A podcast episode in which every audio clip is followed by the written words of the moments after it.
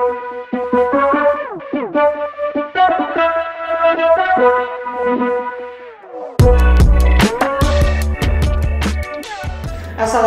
warahmatullahi wabarakatuh, Sobat di Chef. Uh, kembali lagi di podcast di Chef.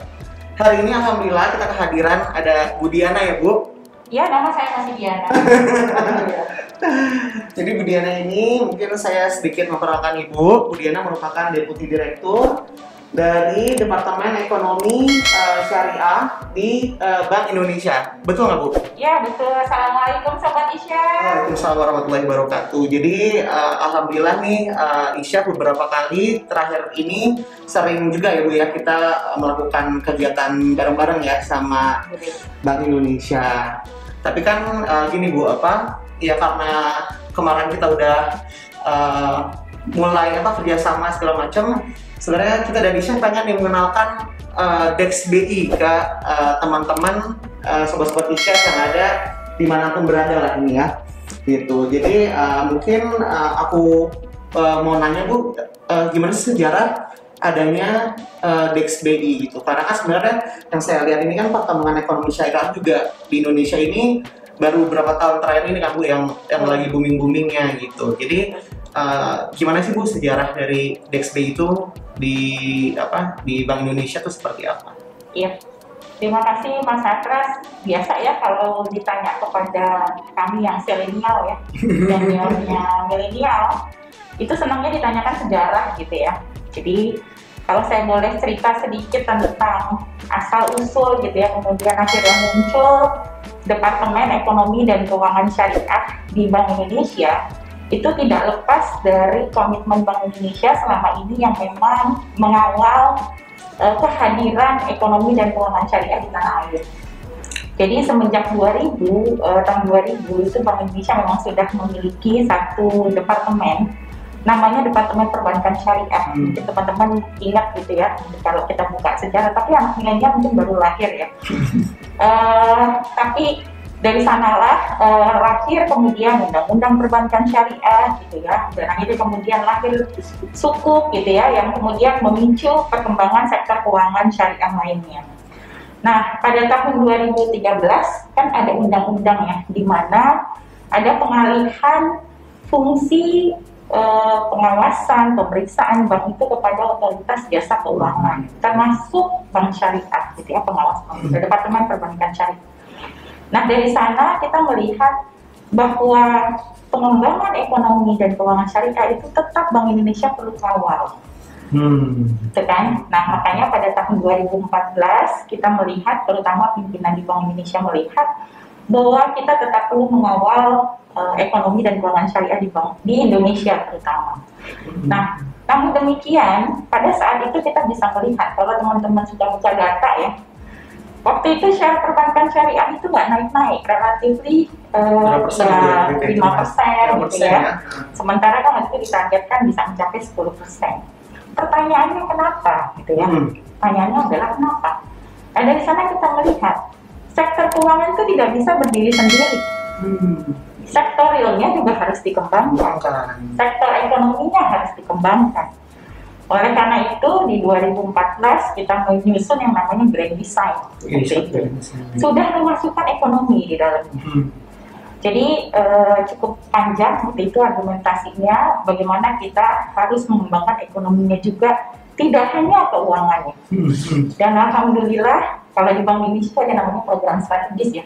Jadi untuk satu program yang baru itu kita namakan program strategis. Jadi dikawal dulu dengan program strategis berjalan gitu ya 2014 kita mulai mengangkat Islamic Social Finance. Okay. keuangan sosial ya. Hmm. kita mulai mengangkat yang namanya Indonesia Syariah Economic Festival. Oh. yang pertama itu tahun 2014 oh pertama 2014 ya? 2014 okay. karena kemarin dari 2007 iya 7 betul. Kemudian terlihat bahwa ternyata ekonomi syariah itu uh, cukup banyak gitu ya yang kemudian supportnya ya. Dan akhirnya pada dua gitu ya pimpinan Bank Indonesia 2015 memutuskan perlu ada satuan kerja khusus yang menangani ekonomi dan keuangan syariah. Akhirnya bulan April 2016 Departemen Ekonomi dan Keuangan Syariah itu resmi berdiri. Oh gitu ternyata sejarahnya Bu Diana sejarahnya ya. begitu gitu Berarti Diana intinya dari awal udah mengawal dong ya dari proses dari uh, masih uh, berdirinya baru uh, perbankan syariah sampai akhirnya sekarang jadi Dex ini uh, Bu Diana uh, ada di situ terus ya Bu ya. kebetulan kalau saya sendiri ini eh, bukanlah dari sektor bukan bukan Hmm. sektor dari perbankan syariah ya Hmm, hmm. cuma kan kadang eh, kita punya hobi ya Iya. kalau saya hobinya itu eh, karena waktu begitu masuk di Bank Indonesia saya ditempatkan sebagai peneliti gitu nah ketika meneliti itu saya lebih banyak meneliti tentang ekonomi dan keuangan syariah gitu. jadi eh, secara legal gitu ya secara legal boleh dikatakan saya resmi duduk sebagai eh, apa eh, pegawai di Satuan Kerja Ekonomi Syariah ya di Dex ini Hmm. sepanjang masa kerja saya gitu jadi waktu itu lebih karena mas karena hobi mas Hobi banget mas ya. Atras hobi hobi dengan syariah gitu Masya nah Allah, ini hobinya aja bermanfaat gitu Bu. Luar biasa. Mungkin eh, sama ini Bu, eh, saya mau nanya, eh, kira-kira sekarang ini eh, Ibu Dian tadi udah mention kan kalau eh, sebenarnya yang namanya syariah itu nggak sebatas perbankan, tapi luas banget kan Bu, Wow. apa eh, ruang cakupnya gitu. Eh, saya pengen tahu sih Bu, maksudnya sekarang ini dan ke depannya dari DexBI itu apa sih Bu eh, fokusnya tuh lebih ke mana nih gitu? Ya. Karena kan sekarang lagi eh, lagi apa? Lagi tren, lagi banyak apa ya banyak eh, masyarakat yang udah lebih aware terhadap eh, produk-produk syariah. Menurut Bu Diana eh, gimana Bu? iya eh, itu tadi ya kalau saya boleh meminjam eh, analogi yang sangat sederhana dari Gubernur Bank Indonesia yang menyatakan kita itu sudah punya bisnya Udah punya Punya bisnisnya. kendaraannya. yang ya. kita perlukan sekarang adalah penumpang-penumpang di dalamnya Hmm. Jadi analoginya seperti itu. Kita mencoba membangun eh, satu ekosistem gitu ya, sam- bersama-sama ya. Mas betul. tentu saja itu tidak mungkin dilakukan oleh Bank Betul. Indonesia sendiri gitu. Tetapi kita eh, melakukan penguatan dari sisi ekosistemnya gitu. Hmm. Nah, pertanyaannya adalah ekosistemnya apa saja gitu kan? Ya. Pertama tentu saja ekosistem dari sisi sektornya itu sendiri gitu ya, pemberdayaan ekonomi masyarakat itu penting gitu. Hmm. Lalu eh, ketika kita melakukan pemberdayaan ekonomi eh, syariah terhadap pelaku pelaku usaha, pertanyaan berikutnya adalah apakah cukup hanya pelaku usaha? Kan tentu tidak ya. Betul. Eh, makanya kalau misalnya di Bank Indonesia untuk mengembangkan itu kita punya namanya blueprint, Hmm. blueprint ekonomi dan keuangan syariah yang eh, pada pertengahan Juni 2017 itu telah disetujui menjadi bagian dari kebijakan utama Bank Indonesia. Iya. Eh, jadi eh, sifatnya itu komplement gitu ya terhadap kebijakan-kebijakan utama yang memang sudah berjalan di Bank Indonesia. Nah, apa saja gitu ya, apa saja ya, apa saja. Nah, ada tiga, ada tiga strategi utama. Yang pertama adalah pemberdayaan ekonomi syariah. Yang kedua itu adalah penguatan eh, keuangan syariah. Tentu saja di dalamnya itu ada keuangan sosial dan ada keuangan komersial gitu kan. Dan yang ketiga tentu saja adalah sosialisasi riset dalam upaya mendorong literasi masyarakat. Tiga hal itu. Nah sekarang pertanyaannya, apakah itu semua dilakukan oleh Bank Indonesia sendiri? Dari sisi regulasi, iya, karena kewenangannya Bank Indonesia ada di situ. Tetapi yang lainnya, Bank Indonesia itu lebih banyak memberikan stimulan. Tentu saja ada kewenangan-kewenangan lain yang dimiliki oleh otoritas lain kan gitu ya, terutama kementerian sektoral gitu. Nah, di sana Bank Indonesia itu lebih banyak menjadi akselerator dan inisiator. Di bagian yang mana kan gitu ya, bagian yang mana? Salah satunya adalah ketika kita berbicara pemberdayaan ekonomi syariah. Teman-teman mungkin merasakan ya, eh, sebagai contoh kita kerjasama sama eh, Isya Iya kemarin chef eh, apa Entrepreneur kemarin. entrepreneur ya. Itu sebenarnya kayaknya kan menciptakan penumpang-penumpang baru ya. Anak-anak muda nah, luar biasa. Anak-anak muda anak milenial ya makanya ngomongnya anak-anak milenial ya. Begitu banyak yang Mas Andras bisa lihat. Nah, itu kan salah satu calon-calon penumpang. Pengisi bis kan. Itu salah satu. Yang kedua yang jarang kita dulu adalah pesantren Pesantren. Iya kan? Betul betul. pesantren di Indonesia itu sangat banyak ada 27 ribu sekarang mungkin sudah meningkat lagi gitu Tujuh ribu ya ya 27 di Indonesia ya. di seluruh Indonesia Oh.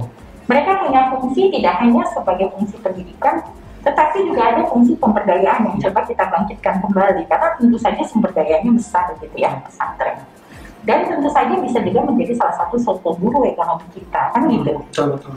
Nah yang ketiga ada lagi basis-basis masyarakat, ormas. Betapa banyak organisasi-organisasi masyarakat di Indonesia ini. Kan dia tidak bisa punya spesifiknya masing-masing, dia karena punya Ya. spesifikasinya Ya. sendiri gitu ya, Ya. punya culture-nya sendiri. Yang mungkin ketika kita jadikan satu, dia bisa jadi less effective. Hmm. Oleh karena itu dia perlu tuh di- didekati satu-satu. Oke. Makanya kita punya berbagai macam program dalam upaya yang kita sebut sebagai penguatan ekosistem halal value chain. Oke. Itu jadi eh, kita kembangkan. Nah itu tadi targetnya siapa? Targetnya ada pesantren, Hmm, komunitas ada ya, Bu, ya? komunitas anak muda, gitu ya, Hmm. komunitas anak milenial, entah apa Hmm. namanya banyak mungkin ya Betul. yang di pusat, yang di daerah gitu ya. Lalu ada juga komunitas eh, apa dari organisasi masyarakat. Kita punya berbagai macam organisasi masyarakat di Indonesia ini, gitu kan. Lalu kemudian juga ada organisasi berbasis masjid, Iya. ya kan? Ada juga gitu pemuda-pemuda masjid gitu yang yang yang saya tahu eh, dari kecil saya suka mengikuti bahkan pernah menjadi impian gitu ya jadi pengurus pemuda masjid gitu remaja masjid gitu.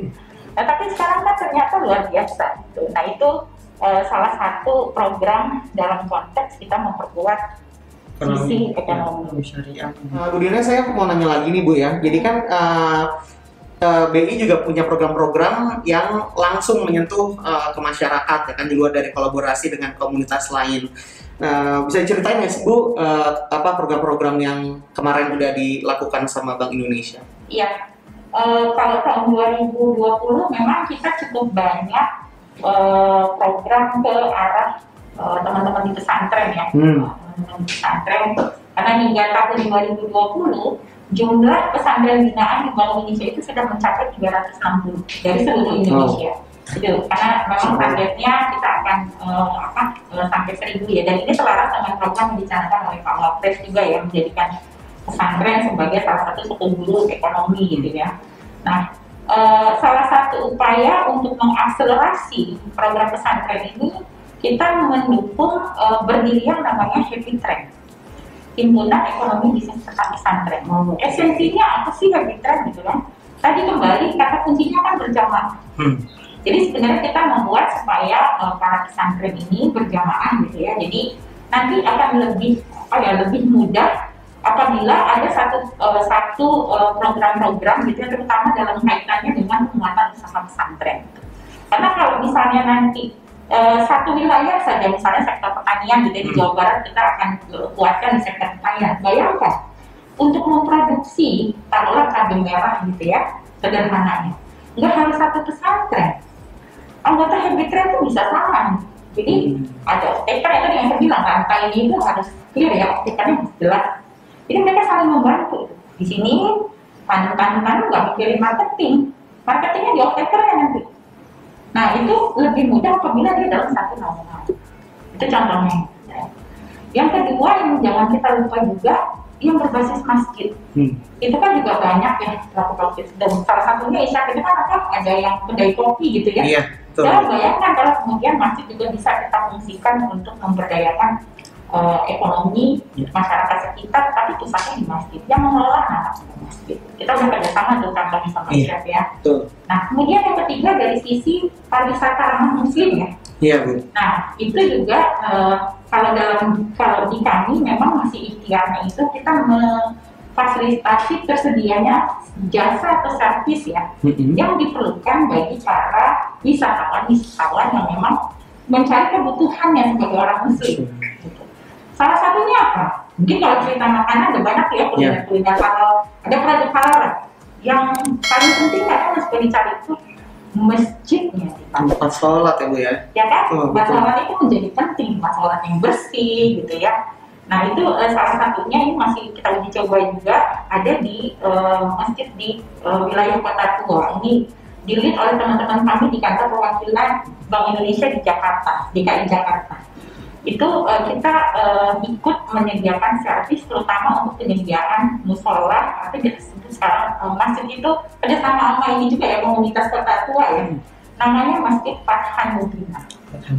Jadi teman-teman kalau jalan-jalan ke kota tua, mampirlah Masjid Fathan Mubina di situ berdiri masjid, tapi dia adanya di dalam gedung. Hmm. Nah mungkin dia mungkin salah satu program-program kita. Nanti tenang bu, nanti eh, saya suruh yang jelajah program dari Chef juga untuk Nah, mampir bu untuk review review masjid tentang. Fathan Mubina di kota tua. Jadi kalau orang mau apa wisata kota tua tidak khawatir lagi ada masjid. Oke, jadi enak ya bu, nggak kepotong ya bu sama jalan-jalannya, Oh, sholat iya. tetap tetap bisa. Luar biasa ya. Jadi sebenarnya PR Budiana juga banyak ya bu ya, karena kan kadang yang, yang saya rasa kemarin eh, dengan dengan kemarin Ustaz Isya gitu kan, maksud kita kolaborasi ya bu ya kan katanya di, sekarang ini era kolaborasi ya bu. Betul. Jadi ketika kolaborasi akhirnya juga maksudnya membuka juga sih maksudnya silaturahmi ke uh, mungkin uh, komunitas lain yang saya sebelumnya mungkin nggak kenal tapi karena ya kita sama-sama dari apa uh, sama Budiana dipertemukan akhirnya kita jadi bisa ini bu bisa ya bikin bikin kegiatan apa lagi gitu karena sebenarnya tinggal apa mungkin udah banyak yang uh, berkecimpung juga tapi belum disatukan aja nih bu ya gerakannya gitu supaya menjadi lebih besar. Itu teman-teman. Terus uh, mungkin ini bu uh, Diana Uh, mungkin kan kalau ya kita ya namanya tadi ya visi kita harapan kita kan ya pasti pertumbuhan dari ya ekonomi syariah ini uh, baik bisa membantu juga pertumbuhan ekonomi di Indonesia juga harapannya seperti itu bu.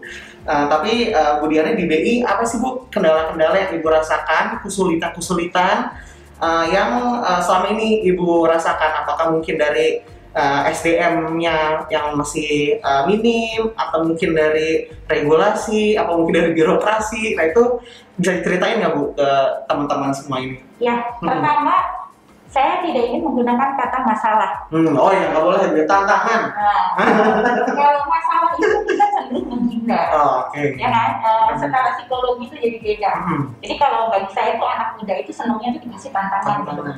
Kalau tantangan dia akan selesaikan. Hmm. Tapi kalau dikasih masalah dia lari. Kayak kayak gitu. ya. Iya, benar-benar. Gitu kan? Iya Betul, kan? betul. Masalah. Jadi Betul. kalau dikatakan tantangan tentu saja Hmm. banyak sekali Banyak. tantangannya. Yang pertama adalah bagaimana kita menyamakan persepsi atau paradigma. Paradigmanya kan, paradigma masyarakat itu untuk meyakinkan bahwa kita itu sebenarnya bisa bisa bekerja sama gitu. Kita bisa bekerja sama. Nah, yang kedua tentu saja eh, ini banyak yang masih silo-silo nih. Hmm. Banyak yang masih silo-silo kan. Tapi Iya. itu karena bukan bukan karena mereka ingin silo-silo, bukan gitu ya. Tapi karena itu aja belum ada yang apa istilahnya tadi Mas Atras bilang belum ada yang menyatukan gitu ya. Hmm. Nah itu PR kita bersama. Nah yang kemudian yang ketiga tentu saja pemahaman tentang eh, apa itu ekonomi syariah gitu ya yang perlu kita lakukan sama-sama. Oleh karena itu ada tiga hal Mas. Atras yang harus kita lakukan. Kalau kami mengatakannya sih asik, Oh, sinergi, sinergi. inovasi, komunikasi. Nah, ayo kita bersinergi, ayo kita berinovasi anak milenial luar biasa dengan inovasi-inovasi teknologinya. Dan yang ketiga tentu saja ragam komunikasi dengan berbagai teknologi yang ada saat ini. Mantap, kemudian nah nih jawabannya maksudnya yang menginspirasi saya juga sih itu uh, jawaban-jawaban dari Bu Diana itu membuka apa insight baru buat saya juga Bu. Ya. Terus uh, saya mungkin mau ya bertanya Bu gitu kan, ya saya lihat yang dari uh, apa di Indonesia juga kan uh, masih banyak juga nih misalnya yang saya lihat di lembaga amil zakat, di sebenarnya di antar bank punya, terus di pemerintahan pusat juga punya Bazarnas gitu. Nah, ada nggak sih bu langkah untuk uh, dibikin yang apa lebih bersatu, lebih lebih supaya goals itu satu itu bu nggak nggak masing-masing punya ya ber- se- apa mempunyai kayak uh, ya ego sektoral masing-masing gitu bu. Kita- Apakah BI juga uh, memfasilitasi itu bu untuk uh, mereka bergerak ke satu tujuan seperti itu? Apa Iya. gimana bu? Betul sekali itu eh, kalau kalau Mas Atras bertanya tentang contohnya tadi mungkin kita cerita di pilar kedua ya. Mm-mm. Pilar kedua itu adalah tentang penguatan sektor keuangan syariah Hmm. gitu ya. Contoh ya, eh, terutama sektor keuangan sosial. Gitu. Kalau kita lihat itu banyak sekali gitu ya eh, lembaga-lembaga keuangan sosial yang sudah ada lebih dulu gitu Iya. ya. Makanya eh, ISEF itu menjadi ajang uh, ukhuwah. Hmm. Kita satukan mereka dalam satu internasional, ada international island kita Iya. punya ya, Iya. international island di situ kita bercerita tentang eh, apa eh, building sektor keuangan syariah di Indonesia. siapa pengisinya? Ya semua pelaku-pelaku usaha di sektor keuangan sosial ya. Betul. Ada ada basnas, ada lembaga ambil zakat, Hmm. ada ada namanya forum zakat gitu ya kalau di zakat. Lalu kemudian di eh, wakaf ada yang namanya forum wakaf produktif, Iya. ya, FWP, ada ada otoritasnya sendiri BWI. Mereka bersatu gitu Hmm. untuk sama-sama menyuarakan inilah sektor keuangan sosial syariah di Indonesia. Hmm. Jadi yang perlu kita tonjolkan adalah itu tadi ya ukurannya. Ukuran girohnya ya bu ya. Iya, ibarat main puzzle, jangan jangan kepingan puzzle yang kita munculkan, Hmm. tetapi puzzle jadinya yang kita kita lihatkan. Jadi orang tidak melihatnya dalam bentuk kepingan. Ketika dia sudah menjadi puzzle yang indah, bagus sekali. Nah, itu kan harus kita tumbuhkan ya. Betul bu. Masa trust ya kita tugas kita adalah ingatlah eh, ayat Al-Quran yang mengatakan berjalanlah kamu di tali agama Allah. Mhm. Ceritanya kan tali ya. Iya. Tali itu kan menyatukan. Nah, itulah yang mungkin harus kita sama-sama miliki. Terutama di anak milenial. Kan biasanya masih Iya. punya Masih apa sih? punya ininya bu. punya gue lebih bagus Goals lah. ya, Ya, itu tuh iya bu. tuh. Kadang-kadang yang bikin jadi nggak bersatu seperti itu ya bu ya. Betul, Masih betul. ada gengsi-gengsi bu katanya saya bilang seperti itu. Oke bu, eh, ya mungkin eh, ada beberapa pertanyaan lagi. Kalau eh, Bu Diana kemarin kan eh, kalau di eks, apa di isu ekonomi syariah kan mungkin yang baru-baru ini tentang masalah eh, penyatuan eh, bank syariah ini menjadi bank syariah Indonesia.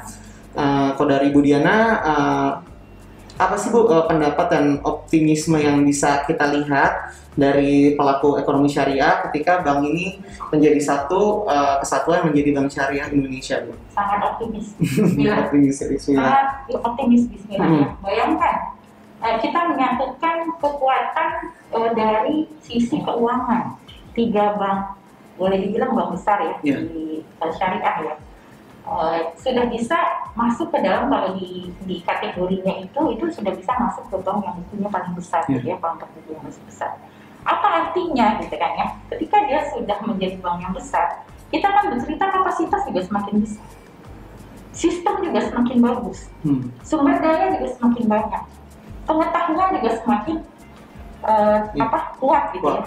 Nah, artinya bank syariah itu akan semakin mensupport para pelaku pelaku usaha syariah kita. Hmm. Kenapa? Karena kekuatan itu kan semakin solid gitu. Nah, jadi eh, Bismillah, Insya Allah. Insya Allah Bu ya, Insya Allah Semangat, harus optimis. optimis betul. Terus Bu, em, eh, apa eh, ya banyak kan yang, yang menggalakkan, kan maksudnya dibilang eh, sebenarnya eh, Indonesia ini kan negara ya Muslim paling besar, penduduknya ini paling banyak gitu kan. Eh, misal dibandingkan dengan negara-negara lain gitu kan yang berbasis eh, ekonomi syariah ini kan eh, kita peringkatnya masih eh, lebih eh, rendah dibanding sama Malaysia yang paling dekat gitu ya Bu ya.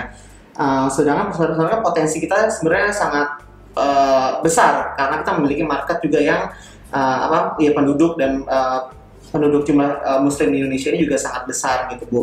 Sebenarnya uh, yang ibu lihat nih pasti ibu kan lebih tahu lah seluk beluk dunia ekonomi syariah ini bisa sebenarnya potensi bisa sebesar apa sih bu Uh, dari misalnya umat-umat muslim misalnya di Indonesia ini kayak bergabung bersama-sama misalnya bergerak sesuk semuanya menggunakan value chain yang ada syariah atau halalnya gitu bu. Iya, eh, Mas Atras, Mm-mm. saya mau cerita pertama ada berita baik nih. Ya. Tahun ini peringkat Indonesia di global Islamic economy eh, ekonomi itu meningkat, Meningkat ya bu ya? ya kan? Wow. Kita ambil contoh sektor makanan, tadinya tuh nggak masuk 10 besar, Hmm. sekarang peringkat 4. Alhamdulillah. Sektor fashion, dua tahun yang lalu masuk peringkatnya 7, dua tahun yang lalu. Dua tahun berturut-turut ini sekarang peringkat 4. Itu kan? Artinya eh, sebenarnya peringkat Indonesia tuh perlahan-lahan di dunia tuh udah mulai naik. Ya. Ya, kan indikator yang banyak digunakan sekarang namanya Global Economic eh, Indicator ya, Indicator. yang dibuatkan oleh Dinas Standar teman-teman ya. Betul. Lalu GIFR itu posisi Islamic Finance Indonesia itu juga meningkat. gitu. Jadi eh, itu berita baik ya, angin positif selama 2020 di tengah COVID, Iya. tapi posisi kita meningkat gitu. Itu yang pertama eh, dari sisi eh, posisi gitu ya. Tapi tadi yang kedua pertanyaan Mas Atras terkait dengan eh, bagaimana kita memanfaatkan Iya, gitu ya. Mas Atras, Potensinya. Mas Atras bisa bayangkan ya, kalau kita cerita satu rantai panjang ya, Hmm. kita kan cerita ke sistem HLBG. Itu cerita mulai dari input, proses, output. output Di sisi input, itu ada yang menginput raw material, hmm. ada jasa, ya kan? ya Lalu kemudian eh, dari sisi input dia perlu dibawa ke sisi produksi untuk mengolah. Perlu apa? Ada transportasi, perlu gudang nggak. Prosesnya? Perlu kan? betul Perlu kan? Perlu sumber daya yang paham nggak bahwa makanan yang di input ini harus standar halal? Ya kan? Terus perlu ada riset-riset gimana caranya supaya barang bahan baku ini tahan lama. Hmm. Kalau kita ingat surat Yusuf ya, ketika kamu panen ambillah sedikit, lalu simpanlah dengan batangnya sebagian besar kan. Iya. Itu kan perlu riset. Coba Mas Andres bayangkan, ekonomi yang tumbuh karena munculnya sektor-sektor ini. Ada kepentingan nggak untuk membuka logistik halal? kepikiran nih jadinya bu Ada kepentingan nggak untuk membuka transportasi halal? hmm. Ada kepentingan nggak untuk buka warehousing? Gudang khusus makanan halal yang dicampur-campur. Iya. Kan nanti ketika sistem yang namanya traceability itu jalan gitu ya, kan akan dicek tuh. Ibarat kita belanja di apa Gojek kan, Hmm. lacak barang Hmm. Anda. Iya. ya kan? Nanti mungkin saya membayangkan ketika lacak barang Anda, itu dia akan ngecek tuh ketika dia sampai di titik apa eh, barang ini kumpulkan dulu gitu. Iya. Ini termasuk gudangnya halal kamu enggak? Lalu Biasa. bayangkan dari sisi sumber daya yang dibutuhkan kita mesti paham apa itu halal, gitu kan? iya Akan terbangun kan? Muncul banyak sekolah-sekolah baru di situ. Muncul mungkin banyak konsultan-konsultan baru. Artinya terbayang berapa banyak jumlah pekerja baru yang akan timbul akibat tadi ada permintaan permintaan. Dari masyarakat Jadi mesti melihat itu dalam satu rantai gitu. rantai panjang ya bu rantai besar gitu ya. Luar biasa sih maksudnya udah banyak apa banyak eh, ini bu banyak apa insight yang saya dapatkan dari eh, Bu Diana menjelaskan hari ini. Sebenarnya ini kayak saya lagi kuliah juga nih bu jadi kayak mendengarkan materi-materi baru Nanti kita ngobrol kuliah nanti kayak sama saya. Aduh, terus bu apa eh, kalau ini deh sekarang eh, kan eh, kemarin kita udah kerja sama bu antara eh, Bank Indonesia sama eChef gitu bu. Kira-kira ke depannya eh, harapannya apa sih bu eh, dari kerja sama eChef kemarin? Apa masuk-masukan buat kita gitu bu dalam apa dalam pengembangan ekonomi berbasis masjid yang memang eh, eChef galakan? Iya, eh, itu luar biasa ya. Kalau saya sih selalu optimis gitu ya melihat eh, anak-anak muda Hmm. gitu ya. Karena saya lihat tuh kreatif semua gitu ya. Di usianya yang muda tapi pikirannya kreatif gitu ya. Nah ini yang mesti kita jaga nih Mas Atras. Mas Atras kan juga anak muda ya. Kadang anak muda itu gampang berpindah gitu ya. Nah padahal, padahal suatu ide kreatif ketika dia diwujudkan dia itu harus punya daya tahan untuk mempertahankannya. Nah, itu yang penting itu bagaimana kita membuat sistem setelah kita bikin perlombaan, pendampingannya seperti apa itu. Hmm. Dijagain betul sampai kemudian nggak ada tuh pikiran si anak muda itu untuk tiba-tiba dia jatuh kemudian udah udah itu kan bahaya gitu ya. benar Tapi bagaimana caranya ketika dia jatuh dia bangkit? Kenapa? Coba kita taruh tanggung jawab kepada para pemenang yang kemarin. Hmm. Ketika kamu menang, jangan kamu berpikir kamu maju sendiri. Ingat loh, tugas kamu narikin yang di belakang.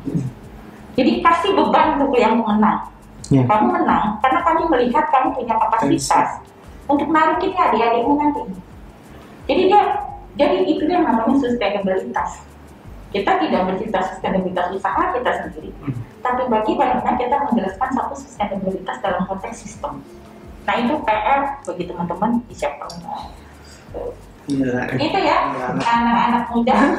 yang kemarin kemarin ini bu. Diana kemarin eh, jujur saya kemarin ini eh, habis berkunjung bu kemarin ke para pemenang gitu. Hmm. kemarin sempat ke Surabaya terus ke Selawi kan bu kemarin yang menang itu gitu kan. Ya apa ya saya bilang itu benar yang ibu Diana eh, katakan itu kita penting untuk bagaimana bisnis yang sudah diamanahkan ke mereka ini eh, kalau bisa dimanfaatkannya lebih, lebih luas dan lebih dikembangkan lagi Bu. Betul. Betul, sekali yang tadi eh, udah Bu Diana katakan. Eh, mungkin sebenarnya, aduh kalau misalnya mau dibilang waktunya kurang sih kurang, kayaknya perlu beberapa sesi lagi nih Bu Diana kayaknya. Sama yang nanti. Oh ya, saya intinya saya ingin mengucapkan uh, terima kasih Bu Diana untuk apa uh, selama ini kepercayaannya kepada anak muda, uh, kepada Isyaf, uh, teman-teman Ya. semua teman anak masjid uh, di Indonesia di luar sana. Terima kasih untuk pekerjaan uh, DXBI. Ya, semoga uh, apa ya Bu ya, apa yang bisa kita bantu untuk sama-sama memajukan visi misi dari apa ya ekonomi syariah ke depannya ini ya kita mungkin bisa uh, diajak Bu atau kita bisa uh, berkolaborasi lebih lanjut lagi. Amin, amin, Amin. amin, amin. Oke, mungkin mungkin uh, itu aja teman-teman uh, podcast kita hari ini. Uh, mungkin nanti uh, ke depannya kita bisa ada podcast-podcast lain ya, mungkin dengan Bu Diana ataupun dengan teman-teman di Bank Indonesia lainnya. Uh, saya ucapkan terima kasih dan mohon maaf kalau misalnya ada perkataan-perkataan salah. Indonesia Podcast, satu masjid, satu komunitas, satu usaha. Assalamualaikum warahmatullahi wabarakatuh. wabarakatuh.